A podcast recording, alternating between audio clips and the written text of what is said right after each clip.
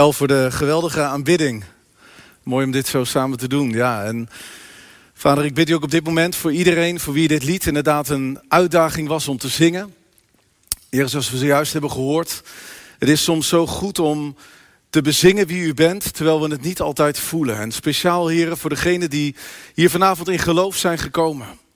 Tegen gevoel in misschien en tegen verhinderingen in. Elk obstakel op mijn weg dat me tegenhoudt, wil ik overgaan in de naam van Jezus. En speciaal voor jullie wil ik bidden tot God de Vader. Dat hij dit lied in jullie mond legt. Dat hij dit lied in mijn mond legt. Dat hij dit lied in onze mond legt. Dat we mogen zeggen, ik weet hoe goed mijn God is. Tegen de uh, opiniepeilingen in. Tegen de bewegingen van deze tijd in. Tegen de moeite die je misschien op dit moment bezighoudt. De gedachten die in je hoofd zijn. De gezondheid waar problemen zijn. De problemen misschien in de familiesfeer of in de vriendenkring. Ik weet hoe goed mijn God is. Vader, vul ons deze avond met geloof. Zodat we u zullen aanbidden. Tegen de verwachtingen van de tegenstander in. Onze mond zullen verheffen tot eer van uw naam. Halleluja. Amen. Geweldig. Nou, ik mag uh, kort even het woord met jullie openen. En dat is wat ik ook graag doe. Ik heb twee dingen waar ik van. Ik heb meer dingen waar ik van hou. Mijn vrouw, mijn kinderen en allerlei andere dingen. Maar ik hou van aanbidding. Ik hou van het woord van God. En vanavond komen beide heerlijk samen. En uh, er is zoveel kracht in aanbidding. En het is mooi dat we in deze tijd, die niet altijd makkelijk is, steeds meer ontdekken hoe goed het is om God te aanbidden. Als wij God aanbidden als de drie-enige God, Vader, Zoon en Heilige Geest, dan staat de tegenstander met zijn mond vol tanden, kan ik dat zo zeggen? Die kijkt naar ons en die denkt, wat zijn ze nou aan het doen? Ze laten zich niet ontmoedigen, maar ze aanbidden. Ze zwijgen niet, maar ze spreken tot God. Ze maken geen ruzie, maar ze zoeken Gods eer. Er is zoveel kracht in aanbidding. Op welke manier je het ook doet. Sommigen doen het graag door te zingen. Sommigen doen het graag door stil te zijn. Anderen die aanbidden God in de daden en in de actie. En sommigen aanbidden juist God weer op het moment dat je door de natuur loopt. Er zijn allerlei talen van aanbidding, we weten het. Maar het is zo goed om God te aanbidden. Aanbidding wekt geloof in je. Wat is nou voor mijn ervaring? En wanneer we God aanbidden, de Bijbel zegt in Hebreeën stuk 11, zonder geloof is het niet mogelijk om God te behagen, om God vreugde te geven. Maar wie, wie geloven staat volgens mij in Hebreeën 11 vers 6. Als je uh, God zoekt en gelooft dat hij is en dat er een beloner is van hem die hen zoeken. Dan zul je ook geloof ontvangen. Even een vrije vertaling, in de Hoddebach vertaling is dit. Maar even geparafraseerd wat er in Hebreeën 11 vers 6, vers 6 staat. En dat is inderdaad geloof Zorg ervoor dat wij God vreugde geven, dat wij God behagen. Maar als we geloof willen ontvangen, dan zijn er eigenlijk twee dingen nodig. Dat we geloven dat God bestaat, dat Hij er is. Maar ook dat Hij een beloner is van hen die Hem ernstig zoeken. Nou, hier zit een zaal van mensen die God willen zoeken. Die geloven dat God bestaat. Anders denk ik dat je hier niet zo heel snel zou zijn. Maar we geloven denk ik allemaal dat God bestaat. En we zoeken God. Zelfs wanneer je hier bent en je twijfelt aan God en je zegt van ja, ik ben een Godzoeker, dat komt door geloof. En met het geloof dat God in je heeft gelegd, geef je God vreugde. Want zonder geloof is het niet mogelijk om God vreugde te geven. Nou, geweldig. Ik wil, ik wil gewoon een paar lessen doorgeven als het gaat om geloof. Ik heb een paar lessen doorge, of opgeschreven die ik um, eigenlijk een beetje heb opgeschreven naar aanleiding van opwekkingsgeschiedenissen in de in de historie en de geschiedenis hebben er allerlei opwekkingen plaatsgevonden. En ik lees heel graag biografieën die gaan over opwekking. Omdat ik verlang ook naar opwekking en herleving vandaag in onze tijd. Passend bij Nederland, passend bij onze cultuur, maar wel een herleving van de kerk van Nederland. En wanneer ik zeg de kerk van Nederland bedoel ik niet zozeer kerkgebouwen die gevuld zijn, wat ook geweldig zal zijn, maar ook herleving van de kerk van Nederland, dat we op onze werkplekken en gewoon thuis en in onze omgeving en onze vriendenkringen Jezus laten zien.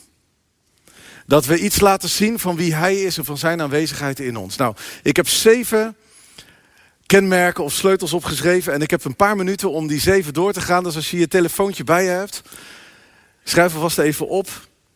1, 2, 3, 4, 5, 6, 7. Puntje erachter. En dan uh, kan je heel mooi meeschrijven. Dus het zijn zeven punten als ik goed heb geteld.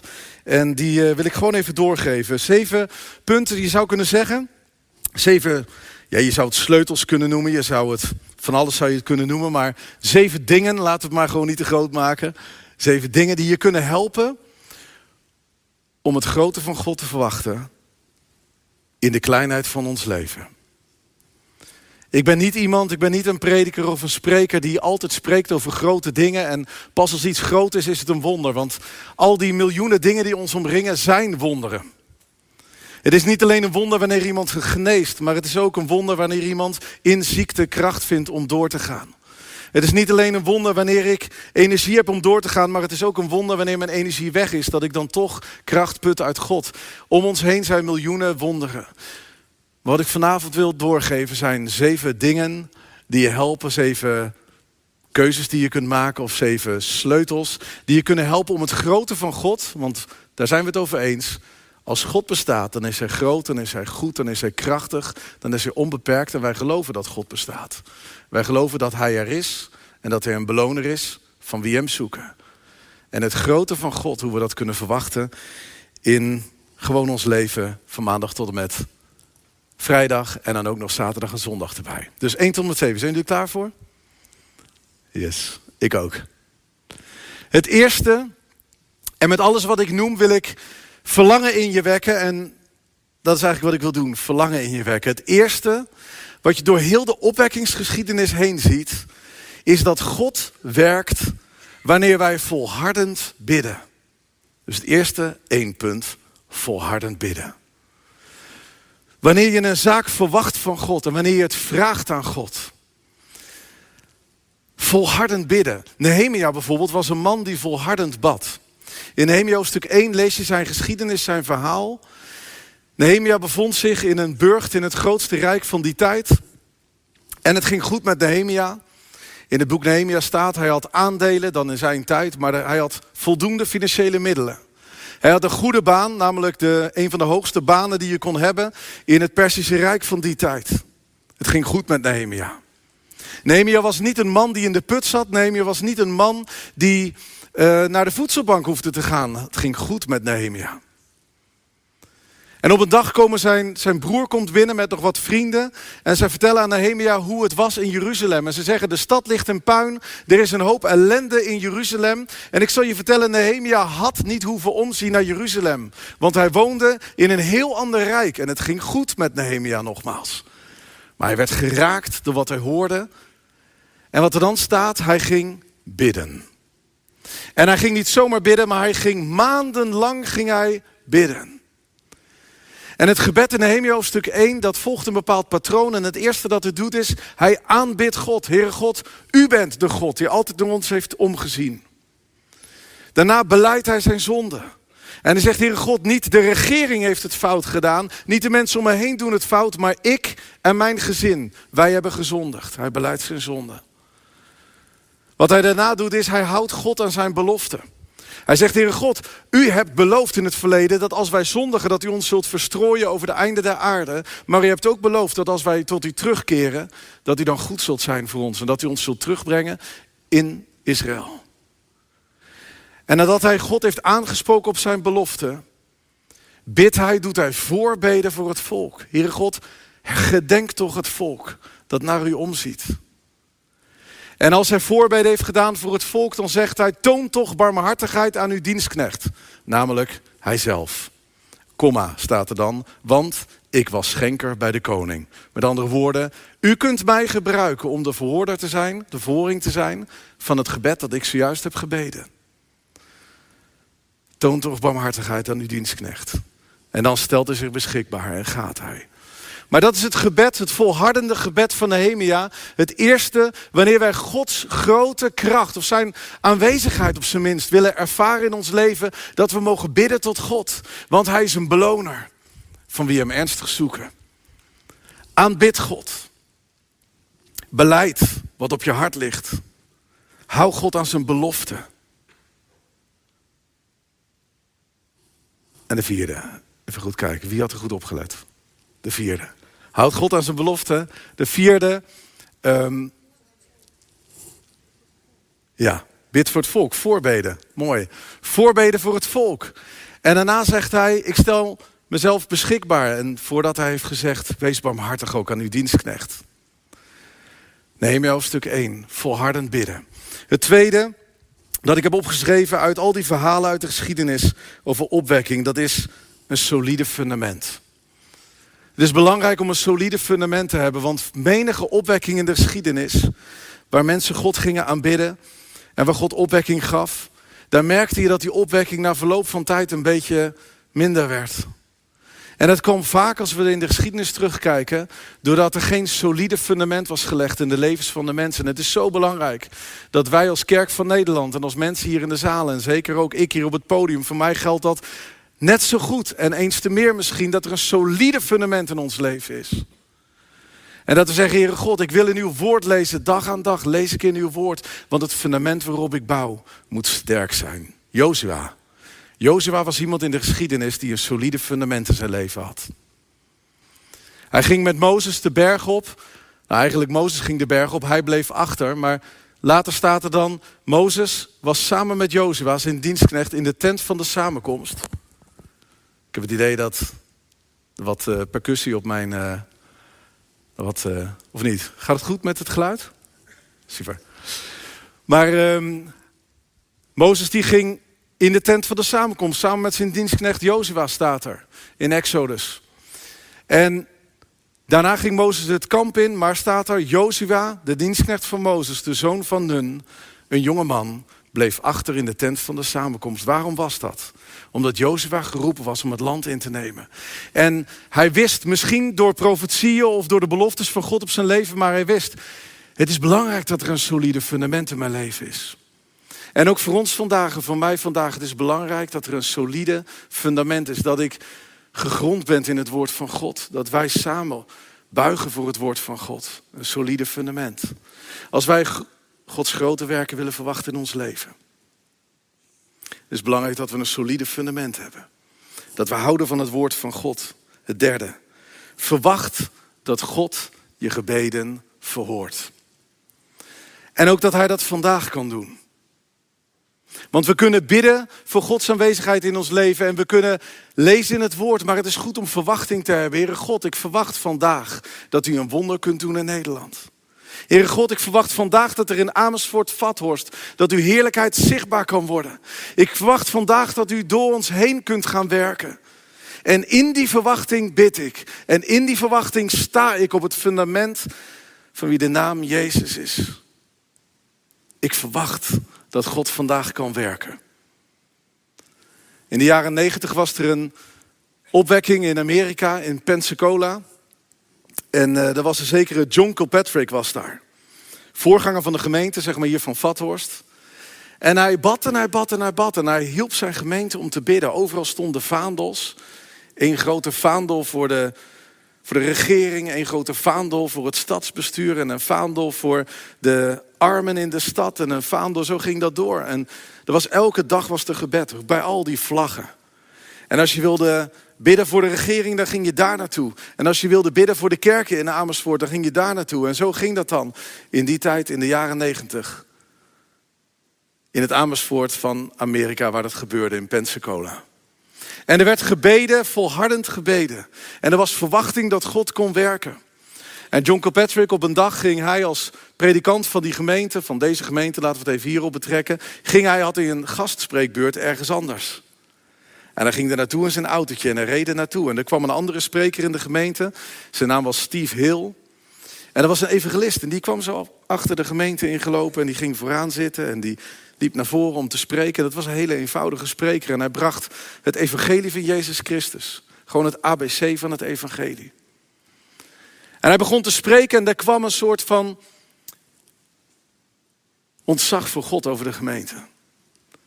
En de een na de ander boog zijn knieën voor Jezus. En mensen kwamen tot geloof. En mensen namen de Heer Jezus aan. En die ochtend gebeurde waar de jaren voor gebeden was. Maar John Kilpatrick was in een andere gemeente en die, die hoorde dat het, dat het er was. En hij werd gebeld er en hij stapte in de auto na zijn, na zijn spreekbeurt. En, en hij reed naartoe en hij ging mee bedienen daar in die gemeente samen met Steve Hill. En samen stonden ze zij aan zij om die opwekking een beetje in goede banen te leiden, want het ging heel snel.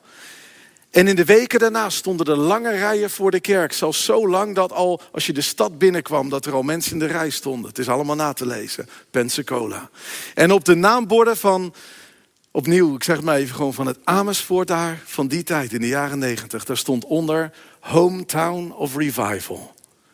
En mensen kwamen van alle kanten kwamen ze er naartoe, naar die kerk. Er was verwachting geweest dat God elk moment kon verhoren. En hij gebruikte een andere prediker om het licht aan te steken. Maar John Kilpatrick met zijn mensen daar had het fundament gelegd.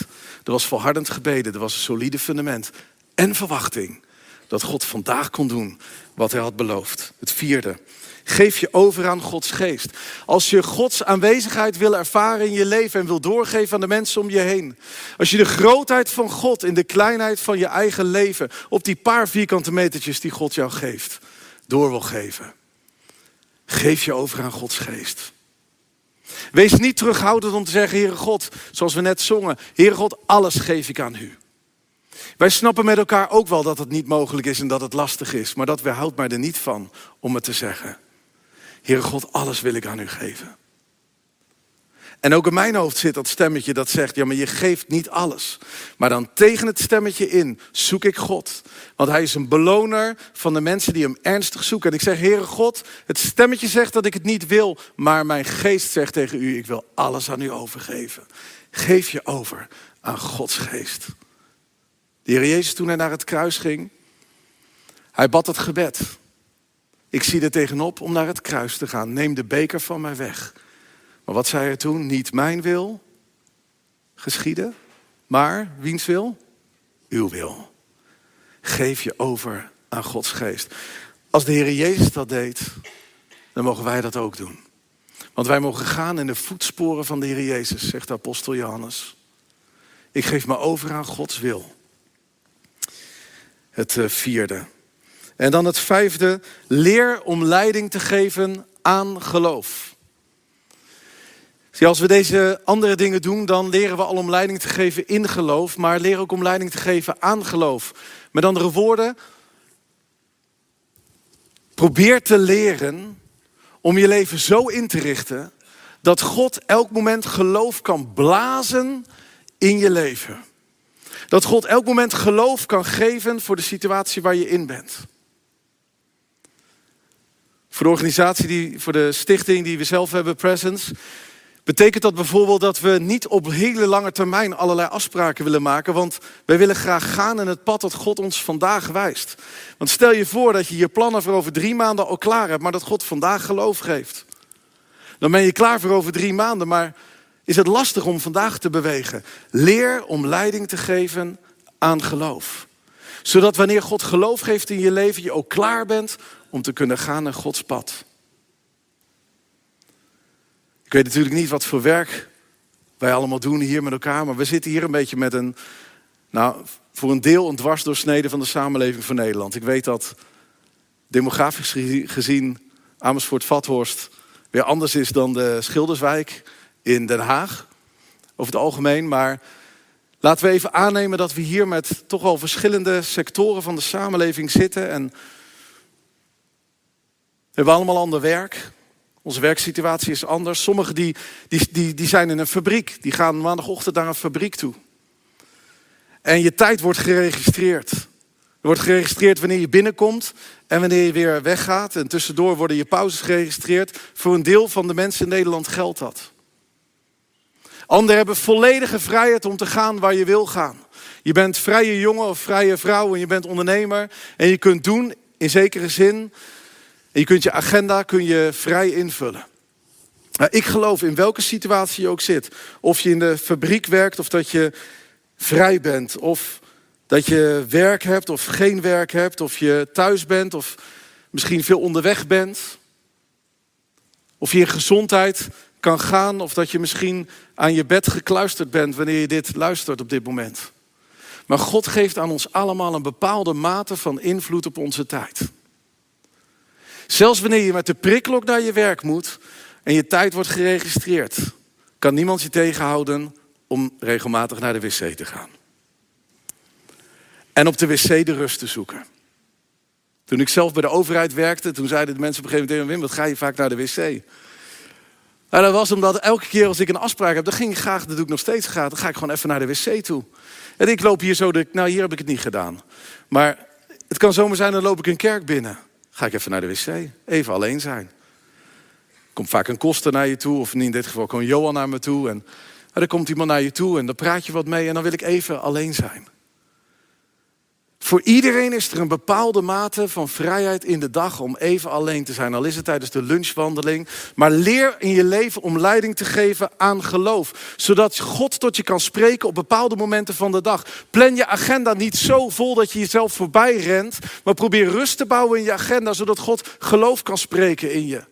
Wanneer je verpleging in de verpleging zit, of wanneer je arts bent, of wanneer je in het onderwijs zit, probeer iets eerder te komen en iets later weg te gaan, zodat je agenda niet helemaal vol zit, zodat je door je lijsten van contacten heen kunt bidden.